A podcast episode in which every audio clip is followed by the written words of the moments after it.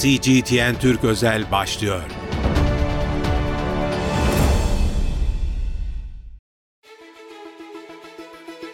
CGTN Türk özel yayınından merhaba ben İlkay Akkaya. Gündemimizde F-16 satışlarıyla başlayan tartışmalar var. Bu konuyu derinlemesine inceleyeceğiz. Konuğumuz gazeteci Ceyhun Bozkurt. Bu konuda kendisi de araştırmalar yapıp uzun süredir de takip eden konuyu bir isim. Ceyhun Bey hoş geldiniz. Hoş bulduk. İyi yayınlar dilerim İlkay Hanım. Teşekkür ediyorum. Ee, son günlerde bu savaş uçaklarının adeta artık her şeyini öğrendik. F-16, F-35, S-400. Ee, gündem çünkü bunlar artık. Ee, Amerika'dan gelen evet. açıklamalar, e, bizim Milli Savunma Bakanlığı'nın yaptığı e, son açıklamalar derken e, hepimizin dikkatleri aslında e, bu konu üzerinde odaklandı. Ama konuyu e, tam etraflıca açıkçası e, anlayabilmiş de değiliz. E, çok da teknik de bir e, yanı var savaş uçakları konusu Tabii. olduğu için de. E, özellikle Ceyhun Bey bu F-16, F-35 karşılaştırılması e, çok yapılıyor. Hangisi daha iyi? Biz acaba kötüye mi muhtaç bırakılıyoruz diye bu tartışmalar da bu eksende gidiyor. Bu F-16 ile F-35'i karşılaştıracak olursanık, olursak e, siz nasıl anlatırsınız bunu? Hangisi daha Şimdi, etkili yani? E, Şöyle başlayalım. Ee, şimdi F-16 dördüncü nesil savaş uçağı, e, F-35 beşinci nesil savaş uçağı. E, bunun uçakları ta işte e, F-16 öncesinde de yapılanlar, İkinci Dünya Savaşı'nda yapılanlar, daha öncesi işte birinci nesil, ikinci nesil geliştirildikçe nesil olarak tanımlanıyor. O kümenin içinde değerlendiriliyor. F-16'da dördüncü nesile varan, mesela ilk uçakları birinci nesil diyebiliriz. Hı hı. İlk taarruz uçaklarını, savaş uçaklarını. İkinci Dünya Savaşı yanlış hatırlamıyorsam ikinci nesil. İkinci Dünya Savaşı'ndan sonra yapılan savaş uçaklarında e, bizim kef, keşif uçağı olarak işte F-4'ler falan e, üçüncü nesil olarak geçiyor. Özellikleri arttırılınca, güçlendirildikçe e, işte F-16 70'lerle beraber hayatımıza giren e, yani hayatımıza derken e, silahlı kuvvetler bağlamında, savunma sanayi hmm. anlamında e, dördüncü nesil olarak geçiyor. Beşinci nesil F-35. Şimdi 5. nesil uçakları diğerlerinden ayıran bir şey var. Şimdi F-35 ile F-16'yı karşılaştırmadan önce çok kısa onu söyleyeyim. Dediğiniz evet. gibi teknik çok detayı var ama anlaşılabilir özellikleri üzerinden e, söyleyelim. Şimdi 5. nesil 4. nesile göre çok daha yüksek manevra kabiliyetine sahip e, bu G manevraları denilen e, manevralar vardır uçaklarda. Teknik boyut anlamda değerlendirilir. E, onları e, yapmalarına çok çeşitli yüksek G manevraları yapmalarına olanak ta, e, sağlayan e, bazı özellikler vardır. Ama en önemli özelliğini söyleyelim. Oradan özet söyleyeyim. Radar tarafından tespit edilmesi noktasında e, çok avantajlara sahiptir 5. nesil uçaklar. Hı hı. Bunun nedenleri vardır. Yani e, o çerçevede tasarlanmıştır. E, bu işte çift eğimli dikey kuyruklara sahip olması, dahili silah bölümlerine sahip olması, işte başka başka bazı tasarım özellikleriyle radara yakalanması ile ilgili e, çok ciddi avantajlara e, sahip 5. nesil uçaklar ve e, bu e, başka başka işte gelişmiş aviyonik sistemler, ondan sonra başka başka yetenekler e, var ve bu e, Amerika Birleşik Devletleri'nde F-35 ile hiç kimseye satmadığı F-22 Raptor uçaklarında bulunmakta. E, F-22 Raptor'ları hiçbir ülkeye satmıyor. Sadece Amerikan Hava Kuvvetleri'nde kullanılıyor. F-35'i e, dışarıya ticarete açık kendisi de kullanıyor. Ticarete e, de açmış durumda. Yine bazı ülkelerin işte Çin'in Rusya'nın işte Çin'de J-20 ondan sonra FC-31 gibi 5. E, nesil avcı uçakları var. Rusya'da 57'yi görüyoruz. Ondan sonra Hindistan'ın var e, ve biliyorsunuz e, Türkiye'de kendi 5. nesil uçağını e, üretim sürecinde tutuyor. İşte 2010'lu yılların başında başlayan bir program. E, ondan sonra tasarım, konsept 2015 civarı tamamlanıyor bizim bugün ta- Kaan diye bildiğimiz evet. ilk ismi TUSAŞ TFX yani Turkish Fighter X olarak e, bilinen ilk ismi e, uçağımız işte 2025 gibi ilk uçuşunu yapması bekleniyor. Ve 2029-2030 civarında da silah yani bütün e, uçuşların, testlerin bitmesi ve envantere katılması bekleniyor. Şimdi işte sizin sorduğunuz soru burada buraya geliyoruz. Türkiye ile bağlantılı.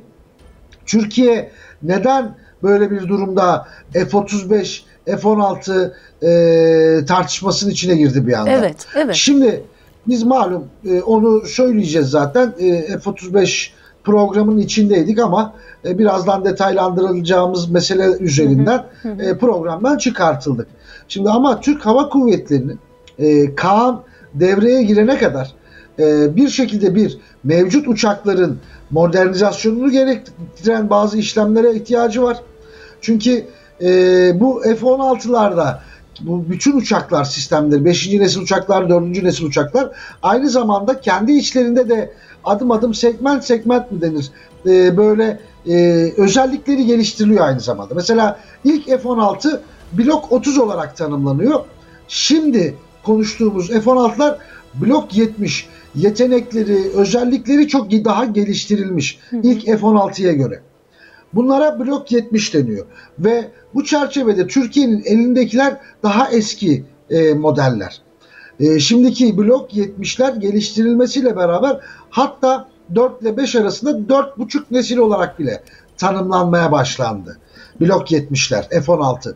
Türkiye'nin de şu an e, hem modernizasyona hem de e, mevcut ihtiyacı, hava kuvvetlerinin ihtiyacı kapsamında blok 70'lere ihtiyacı var. Ve ek olarak esas zaten Amerika ile anlaşmanın içindeki kritik maddelerin içinde bir paket var aslında orada. Nedir o? Türkiye aynı zamanda Kaan'ın ilk üretiminde e, Amerikan e, F-110 motoru kullanma kararı almıştı. Hı hı, hı. O paketin içinde savunma alımın, askeri alımın içinde F, işte 40 e, F-16 blok 70 e, işte 79 tane modernizasyon kiti yani bizim elimizdeki e, 79 uçağımızın e, blok 70 seviyesine yükseltilmesi e, onu e, yap, sağlayacak. Ek olarak mühimmatlar, özel mühimmatlar ve esas e, e, maddelerden bir tanesi de F-110 motoru. Türkiye'nin üreteceği e, işte Kaan için e, ilk motor kullanımı Amerikan motoru olacak. Daha sonraki hani az önce blok 30'dan blok 40, blok 50 diye söyledik ya. E, bizim Kaan da devam edecek geliştirilmeye. Ve ikinci, üçüncü geliştirmişimde Türk motorunun, Türkiye'nin üretim motorun kullanılması planlanıyor. Ama ilk üretim Amerika'nın F-110 motorları planlanıyor. O alımda o da var. Şimdi peki biz niye F-35'te ısrar etmedik? F-16 bizim ihtiyacımızı karşılıyor mu? Sizin sorunuza geliyor burada. Evet. Şimdi iki tane farklı uçak. Ee, az önce biraz bir nebze dördüncü nesil, beşinci nesil Hı hı. e, şeyini anlattık. Beşinci nesil üzerinden. Şimdi F-16'lar aslında çok muadillerine göre çok güçlü e, avcı uçakları. Tabii bunların e, karşısında Rus uçakları da var. Ama Hı hı. tabii ki Türkiye NATO üyesi olmasından dolayı ağırlıklı Amerika'yla bu ilişkileri geliştiriyor ki şunu da hatırlatalım. Bizim TUSAŞ tesislerimizi de ilk başta Amerikalılar e, geliyor. Yar- onların yardımıyla kuruyoruz ve orada üretimler yapılıyor. Hatta e, TUSAŞ'ın ilk genel müdürü Amerikalılar mesela. İlk yöneticileri. Türkler de var tabii ki. Hatta 1980'lerde bir Amerikalı genel müdür dalga geçiyor. İşte Türkler burada kendi uçaklarını yapacakmış şeklinde. Ve bugün 40 sene sonra Türkiye orada kendi uçağını yapıyor. Hem de 5. nesil uçağını yapıyor. Şimdi tekrardan dönelim şeye. Şimdi F-16'lar e, meselesinde e, çok güçlü uçaklar. Türkiye dediğimiz gibi NATO üyesi olduğu için Amerika ile anlaşıyor. Ve sonradan geçirdiğim modernizasyonlarla aktardığımız gibi e, düşman hedefleri açısından düşman açısından son derece tehlikeli bir teknoloji harikası haline getirildi F-16'lar. Yani fiyat performans oranı konusunda da e, en iyi uçaklardan biri. Yani bu performansta alımı aslında mali olarak çok daha kolay. Güçlü bir motora sahip, tek motorlu bir uçak. E, ondan sonra ve e, dünyadaki en çevik uçaklardan biri olarak e, kullan, e, gösteriliyor. hı hı. Bu da nerede avantaj sağlıyor? kara hedeflerine operasyonların yanı sıra hava hava mücadelesi denilen işte uç- düşman e, ülkelerin uçaklarına karşı da e, avantaj sağlıyor. İşte bizim yıllarca yaşadığımız it dalaşı olarak bilinen Yunanistan'da it dalaşı işte hava hava mücadelesidir. Mesela orada Türk F-16'ları, Türk pilotlarının da tabii ki çok e, olumlu özellikleri, iyi özellikleri olmasından dolayı avantaj sağlamıştır. Bunda tabii ki uçağın da etkisi var. Şimdi F-135 ise e, 1990'larda başlıyor çalışması. İşte o 5. nesil. E, 2006'da bakın yani hani biz Kaan'da çok tartışıyoruz. E ne oldu hani daha bitmedi mi? F-135'in 90'ların başında başlıyor. Özür dilerim ortalarına doğru başlıyor. 10-11 sene sonra e, ilk uçuşunu yapıyor. Envantere girişleri 2010'lu yıllarda. E, tek o da tek motordu. Ama e, yine F-135 motoru kullanıyor. Çok güçlü bir motor ve bu nedenle çift motor etkisi sağlıyor. Bu da güçlü bir anlamda bir e, özellik. E, dediğimiz gibi yüksek manevra kabiliyeti, e, radarlara yakalanmama noktasında çok avantajlara sahip. Ağırlıklı hava hava görevleri konusunda değil, radara yakalanmamasından dolayı hava kara yani karaya yönelik operasyonlarda öne çıkan bir uçak. İkisinin aslında Ama, kullanım e, alanları farklı diyebilir miyiz? Yani şöyle e, F-16 hava karada da kullanılıyor. Biz biliyorsunuz terörle mücadele harekatımızda e, F-16'lar düşman hedeflerini, terör hedeflerini e, imha ediyorlar. E, ama tabii ki bakıldığı zaman e, özellikleri itibariyle F-35'i belli yerlerde, e, F-16'ları farklı yerlerde kullanabiliyor diyebiliriz. E, ama çok güçlü bir uçak. Şunu söyleyebiliriz güzel bir tanım yapılır. E, F-16 ve F-105 için e, işte özür dilerim F-35 için e, F-35 için uçan bir bilgisayar Hı. diyebiliriz. Yani e, işte sıkıntılar burada başlıyor. Yani F-16 gelişmiş bir bilgisayara sahiptir. F-35 ise zaten bilgisayarın kendisidir Kendisi. aslında. Hı hı. Yani doğrudan şimdi o nerede başlıyor bu olay? Bunun da Türkiye çeşitli açısından handikapları sıkıntıları- var değil mi? Bilgisayar diye tarif edilenin de kendi handikapları var dolayısıyla. Tabii yani çeşitli sıkıntılar mesela barındırıyor. Örneğin işte üretici firma şifre vermezse F-35'i çalıştıramıyorsunuz. Şifreyle açılıyor. Bir kodla. Kod gönderiyor. Kodu Yani. Amerika sizin bir, Şimdi bir operasyonunuzu beğenmediği takdirde e, onu çalıştırmayabilir. Tabii. Tabii. Tabii tabii en büyük sıkıntıların başında o geliyor. Yani F-35 e, satıldığı ülkeyi %100 Amerikan Hava Kuvvetleri'ne, Amerikan ordusuna ve e, ilgili firmaya bağlıyor. Yani sizin de söylediğiniz gibi Amerika Birleşik Devletleri Türkiye özelinde söyleyelim. Diyelim ki biz yarın öbür gün e, Suriye ile, biz yarın öbür gün Rusya ile, İran'la anlaştık, uzlaştık e, Suriye'nin müttefikleri hı. ve PYD hedeflerine hava operasyonu yapacağız. F-35'leri kaldırmamız çok zor olabilir.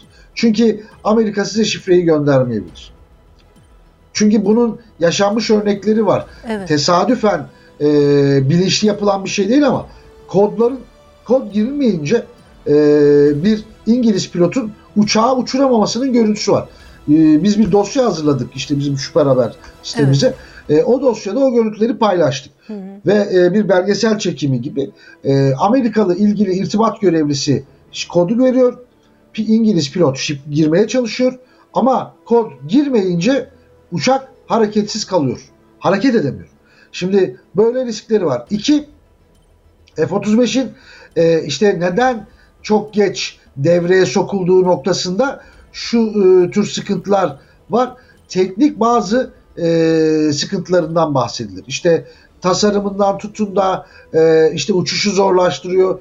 Tutun da başka başka teknik bazı özellikleri özellikle F-35 konusunda çalışan çok değerli uzmanlar var. Onların da hazırladığı raporlarda da belirtildiği üzere işte uçak düşmesine, kaza kırma uğramasına neden olan bazı teknik sıkıntıları var. Hatta bu Amerika'nın Sayıştayı diyebileceğimiz e, kurum tarafından raporlanmış mesela zamanında.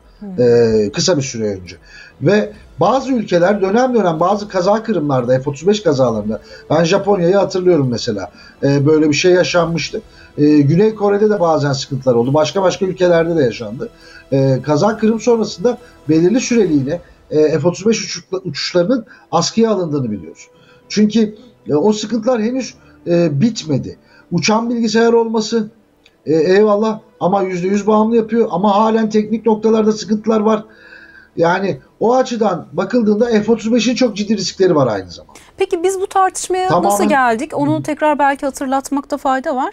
Ee, biz F-16 anlaşmasını yaptığımız aynı anlaşma içerisinde Yunanistan'a da F-35 e, verildiği söylendi ve dolayısıyla bu soru işaretlerine neden oldu. Yani biz acaba daha alt seviyede bir şey Türkiye'ye verildi de Yunanistan'a daha mı iyisi verildi gibi sorular oluştu Türkiye- burada. Hı hı.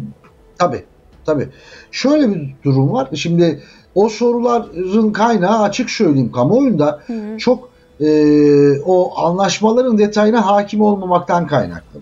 Evet. E, şundan dolayı şimdi Yunanistan'a F-35 verildi ama Yunanistan'a F-35'in teslimatın tarihi 2029-2030. E zaten bizim aynı muadil ki bu arada onu da söyleyeyim. Kaan'ın bazı özellikleri F-35'ten daha ileri. Örneğin filo uçuşları yapabilir. Mesela aynı anda hem insansız hava aracımızla hem başka başka e, işte örneğin F-16 ile örneğin e, başka hava araçlarımızla koordineli uçuşlar yapabiliyor Kaan. Şimdi F-35'te bu özellik yok. Filo uçuşu yap, e, şu an net bir şey yok orada. Kaan bunu yapabiliyor. Bazı özellikleri çok daha gelişmiş. İşte Yunanistan'a F-35'lerin teslim edildiği tarihlerde e, zaten bizim envanterimize de e, bizim Kaanlarımız girecek. Yani aynı güç. Bizim o aradaki ihtiyacı karşılama. Yunanistan'ın özellikle son yıllarda çok yoğun silahlandığını biliyoruz. Amerika Birleşik Devletleri'nin Yunanistan'ı adeta askeri güçle ve askeri alımlarla kendisine bağlayarak adeta işgal ederek e, bir Yunanistan'ı e, ne diyelim askeri üsse dönüştürdü bütün bir ülkeyi. Bir, bir az çok biliyoruz. Ve bu çerçevede e, ciddi hava alımları da yaptı Yunanistan. Peki bizim Ee, bu mesela amacı F-35 şu- hikayemiz nedir Ceyhun Bey? Bir de kısaca onu da e, anlatır mısınız? Yani işte paramızı Tabii. verdik ama işte oradan çıktık. Şimdi bizim oradaki paramız heba oldu. Şimdi bize yeniden şart koşuyorlar. Yani böyle e, çetrefilli Tabii. bir tablo var önümüzde. Ya esas mesela Amerika Birleşik Devletleri'nin Türkiye'ye karşı düşman hukuku uygulaması. Bunu net bir şekilde tespit etmek lazım. Yani saptamak lazım. Amerika Birleşik Devletleri bir NATO müttefiki olmasına rağmen yaklaşık özellikle 30 yıldır aslında NATO üyeliğimizden beri darbelerin arkasında Amerika'yı görüyoruz. Gladio e, operasyonlarında Amerika'yı görüyoruz. Suikastlerde Türkiye'yi hedef alan ekonomik operasyonlarda, siyasi operasyonlarda hep Amerika'yı görüyoruz ama son 30 yılda e, işte bu arada onu da hatırlatan Kıbrıs Barış Harekatı'mızda da yine Amerika karşımızdaydı. Ambargo uyguladılar. Biz de buna karşı üstleri kapattık. E, hatta savunma sanayimizin gelişmesinde o ambargoların avantajı da oldu. Yani hani kötü komşu insanı ev sahibi yapar misali biz atasözündeki gibi e, bizi e, aslında kamçıladı. Ama 90'ların şöyle bir avantajı var. E, özelliği var daha doğrusu. Soğuk Savaş'ın bitimiyle beraber Amerika'nın çok daha açık bir pervasızlığa giriştiğini görüyoruz. Türkiye'ye karşı. Düşman hukukunu çok daha arttırdığını görüyoruz. Çünkü önceden Sovyet dengesi adı üzerinde manipülasyonlar, psikolojik harpler, o yöntemlerle Türk kamuoyunu işte Sovyet öcüsü, bugün nasıl Rusya öcüsü üzerinden öyle bir öcü oluşturarak Avrupa'yı korkutuyorlarsa geçmişte de Sovyet öcüsü oluşturarak Türkiye'ye yönelik bir psikolojik harekat. Bütün NATO ülkelerine yaptıkları gibi yapmışlardı. Bu biraz tutmuştu. Ama 90'lardan sonra terör örgütleri, Türkiye'ye hedef alan bütün terör örgütlerinin arkasında Amerika Birleşik Devletleri, diğer yine e, darbe girişimleri, başka başka faaliyetler, hükümet operasyonları, ekonomik operasyonlar, sokak yani geçmişte Gladio eylemleri dediğimiz e, eylemlerin biraz e, şekli şemali belki değiştirilerek ki 90'larda suikastler yine yapılmıştı. E, ama terör üzerinden, terör örgütleri üzerinden Doğu Akdeniz, Kıbrıs meselesi üzerinden yine operasyonlara devam etti. Türkiye adım adım yükseldi e, Amerika'ya karşı. Bu tepkiler yükseldi, arttı, arttı, arttı. Mevcut hükümet de ilk aşamada AK Parti yönetimi ilk aşamada Amerika ile olumlu ilişkileri e, savunan bir çizgi izliyordu. Ancak AK Parti içinde ciddi bir ayrışma başladı. E, tabii yıllara yayılacak, bir şekilde.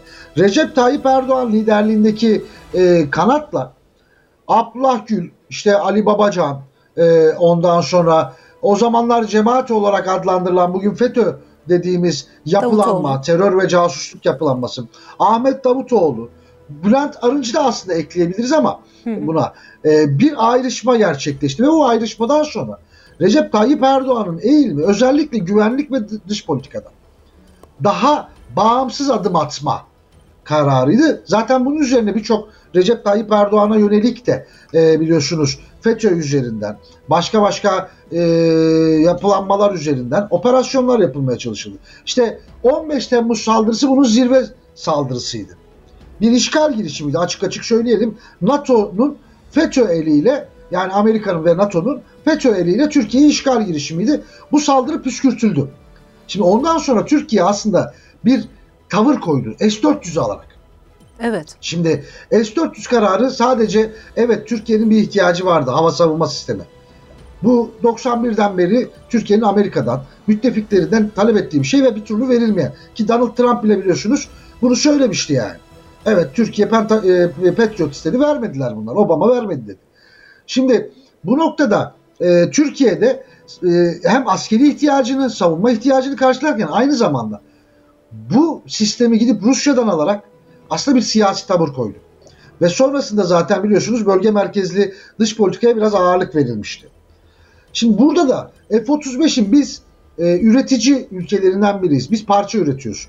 E, Türkiye'den birçok şirket bu e, projenin içinde bulunduğu için bu e, sisteme parçalar üretiyor.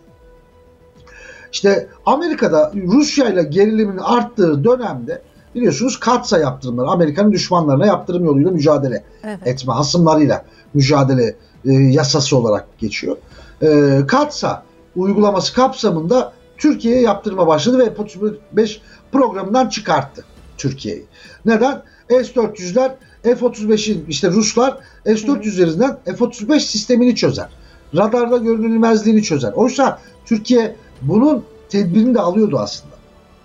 Yani böyle bir şey yoktu. Türkiye bir sistem kuracaktı ve bunu NATO'ya eklemleyecekti NATO sistemine. Ama Amerika'nın tabii ki amacı e, burada Türkiye'ye düşman hukuku uygulamaktı. Türkiye de geri adım atmadı. 2017'de anlaşma yapıldı. 2019'da e, S-400'ler geldi Türkiye'ye. Hatta bir dönem ikinci partiyi konuşuyorduk, tartışıyorduk. Müzakeresi yapılıyor ki müzakereler biraz duruldu ama e, halen iptal edilmiş değil. Onu da söyleyelim. E, ondan sonra yani bütün kavga buradan dolayı çıktı. E, Amerika Birleşik Devletleri'nin Türkiye'ye düşman hukuk uygulaması, Doğu Akdeniz'de, Suriye'nin kuzeyinde, Irak'ın kuzeyinde, Karabağ coğrafyamızda, ondan sonra Karadeniz'de, Ege'de e, yani Türkiye çevreleyen hem dışarıda bir de içeride de terör örgütlerini besleyerek FETÖ'sünden DAEŞ'ine e, ondan sonra PKK PYD'sinden başka başka örgütlerine, terör örgütlenmelerine her türlü örgütün arkasında Amerika Birleşik Devletleri gördü.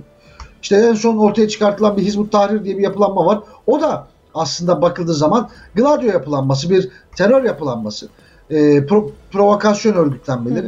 E, şimdi devam ettiler buna. Şimdi burada e, Amerika Birleşik Devletleri'nin Rusya-Ukrayna savaşı, üstüne bir de İsrail'in Gazze'de giriştiği soykırım, e, Amerika'ya tepkilerin artması ve Amerika bölgenin bölge dinamiklerinin artık iyice hareketlenmesi bir anda Amerika'yı Türkiye ile kavgadan ama Türkiye'yi durdurarak yani Amerika hiçbir zaman Türkiye'nin istediği bir şey yapmıyor. Yani o emperyalist politikalarına devam ediyor. Peki Ondan şunu şekilde- sormak istiyorum. Bu o- F-16 ve sonrasında gelen açıklamalarla Türkiye F-35 programına geri mi dönüyor diye e, tartışılınca konu illaki e, Türkiye e, yine bir kamp mı değiştiriyor tartışmalarına da bir yandan geldi. Sonrasında e, Amerika'nın e, Yunanistan'a ve e, YPG'ye yönelik bir e, şeyde bulunduğu e, güvence verdiği yönünde açıklamalar geldi. Her ne kadar bizim Milli Savunma Bakanlığı e, bunu reddetse de e, bu yönde tartışmalar da var. Yani bu bu- buraya büyük tablodan bakınca Türkiye yeni bir sürece mi giriyor? Yok zannetmiyorum. Yani ben Milli Savunma Bakanlığı'nın açıklamalarını yani edindiğim bilgiler de o yönde. Evet. Öyle Yunanistan'a karşı kullanmama, işte PYD, PKK'ya karşı, YPG'ye karşı kullanmama noktasında bir taahhütle yapılacak iş değil. Ha şöyle bir durum var. Yani yine bizim atasözlerinden birine e, danışarak söyleyeyim. Türkiye'nin politikası biraz köprüyü geçene kadar diye başlayan bir e, atasözü var ya. İşte Evet. bu Kaan gelene kadar. Çünkü Hı. geçmişte de biliyorsunuz yani savunma sanayinde birçok işte mühimmatlardan tutun araç gelecek kadar işte Almanya'dan alıyorduk, oradan alıyorduk, buradan alıyorduk. Ee, ama bize ne diyorlardı? Biz bunu veririz ama PKK'ya karşı kullanmayacaksınız. Biz size işte Heron satmayız. Ne yaparız? Heron'dan istihbarat veririz falan diye. Birçok mühimmat vermeyiz. Mühimmat sıkıntısı çekersiniz gibi e, tehditler yine geçmişte de yapılıyordu. Türkiye ürettikçe bu tehditleri boşa çıkardı. Şimdi Türkiye biraz taktik manevra yapıyor. Stratejik bir manevra değil aslında. Taktik bir manevra. Çünkü şu an belli noktalarda ihtiyacımız var sistemlere ve bu ambargolar bu sistemlere ulaşmamızı, bazı parçalara ulaşmamızın önünde engel teşkil ediyor. İşte az önce söyledik bir motor meselesi var mesela. Ee, mesela Türkiye motor yapıyor ama şu an e, bir F-30 işte Kaan'ı uçuracak bir güçte motor değil bu. Bu yönde şu an e, almamız gerekiyor. Ha diyeceksiniz ki e, başka seçenek yok mu? Şu an NATO üyesi olması hasebiyle Türkiye'nin e, diyalog kuracağı yapı belli. Ha S-400'ü neden aldı? Şimdi Allah göstermesin ama 15 Temmuz gibi bir şey yaşarsak yine böyle bir tavır koyarız. Ama şu an görüntüde de olsa daha normal bir ilişkinin sürdüğü dönemde doğal olarak Amerika ile biraz yumuşamak. Çünkü niye? İşte Kanada'dan ambargonun kalkması, İsveç'ten parçalar alıyoruz, o ambargonun kalkması. O tür şeyler e, biraz biz avantaja çevirmek istiyoruz. Çünkü bu aldıklarımızın aslında üretmeye de çalışıyoruz. Onu söyleyelim. Yani ama işte o köprüyü geçene kadar diye başlayan atasözümüzü o yüzden e, söyledim. İşte motor meselesi, Türk Hava Kuvvetlerimizin ihtiyacı meselesi. O yüzden taktik bir adım bu. Yunanistan'a karşı velev ki zaten Yunanistan'da da bir diplomasi başladı. Şimdi Yunanistan'da bir çatışma olmaz zaten. Şimdi olursa zaten doğrudan NATO çöker. YPG Ee, kısmı için doğrudan- belki o soru sorulabilir. YPG kısmı YPG kısmında SDG'nin bu sıkıntı- yönde bir açıklaması olmuştu. Zaten biraz tartışma oradan da çıktı. Türkiye zaten operasyonları şey üzerinden yürütüyor. Ağırlıklı SİHA'lar üzerinden yürütüyor. Hmm. Yani çok e, taarruz uçakları üzerinden yürütmüyor. Ha şöyle bir durum olur. E, F-16'ları biz yine kullanırız. Sonuçta Amerikalıların geçmişte çok sayıda yapmayın operasyon bölgede unsurumuz var dediği yere biz F-16'larla Irak'ın kuzeyinde operasyonlar yaptık. Yani 2015'te mesela bir operasyon hatırlıyorum doğrudan Amerikalılar e, bizim harekatımızı durdurmak istedi. Bu Hendek Barikat terörü döneminde e, yapılan sınır ötesi harekatlardan bir tanesinde Amerika Birleşik Devletleri'nin unsurları, Amerika yetkilileri doğrudan arayarak e, belli bir bölgeye yapılan operasyonun durdurulmasını istedi. Türkiye dinlemedi mesela. F- F-16'larla e, gitti F-16'larımız vurdu terör inlerini. Yani o açıdan e, bir sıkıntı olacağını zannetmiyorum. F-35 konusunda da şöyle bir şey. Ha, onu da söyleyeyim bu arada. F-16'lar gelen F-16'larla ilgili şart olduğunu da düşünmüyorum. Bunu uygulayamazlar yani. Türkiye bunu dinlemez açık söyleyeyim. E, ama nedir bu haberler? Biraz belki e, kaynaklarına bak. Şimdi mesela Yunan Katimerini yazdı bunu. Biliyorsunuz Evet. Yunanistan konusunda. Evet. Ee, Yunanistan'ın gazını almak için mi yapıldı bilmiyorum yani çünkü orada da bir e, Yunanistan'a destek veren güçlü bir lobi var biliyorsunuz ve e, başta bir Bob Menendez vardı o e, rüşvet almaktan başka başka işlere girmekten e, sonra zaten pasifize edildi ama yine e, o lobinin etkili olduğunu az çok biliyoruz. Onları susturmak açısından mı yapıldı? Böyle bir servis yapıldı. Ama Türkiye'nin şartsız bu şartları kabul edeceğini de zaten düşünmüyorum. E, edindiğim bilgiler de o yönde. E, o yüzden o konuda e, Türkiye'nin rahat olduğunu düşünüyorum. Elinin rahat olduğunu düşünüyorum. Evet. Ceyhun Bozkurt çok teşekkür ediyorum verdiğiniz faydalı bilgiler için. Ee, açıkçası e, gerçekten artık bölgenin e, bu kadar ısınmasından dolayı biz de e, bu tür konuların e, uzmanı olduk. E, sizlerin de açıklamalarınızdan Evet. e, teşekkür ediyorum faydalı bilgiler için. Ben teşekkür ederim. İyi yayınlar dilerim. Teşekkürler sağ olun. CGTN Türk özel yayınında F-16 alım sürecini gazeteci Ceyhun Bozkurt'la e, konuştuk. F-16, F-35 ve S-400 ile ilgili tartışmaları e, odağına e, eğildik. E, bugünlük bize ayrılan sürenin sonuna geldik. Yeniden görüşmek dileğiyle. CGTN Türk özel sona erdi.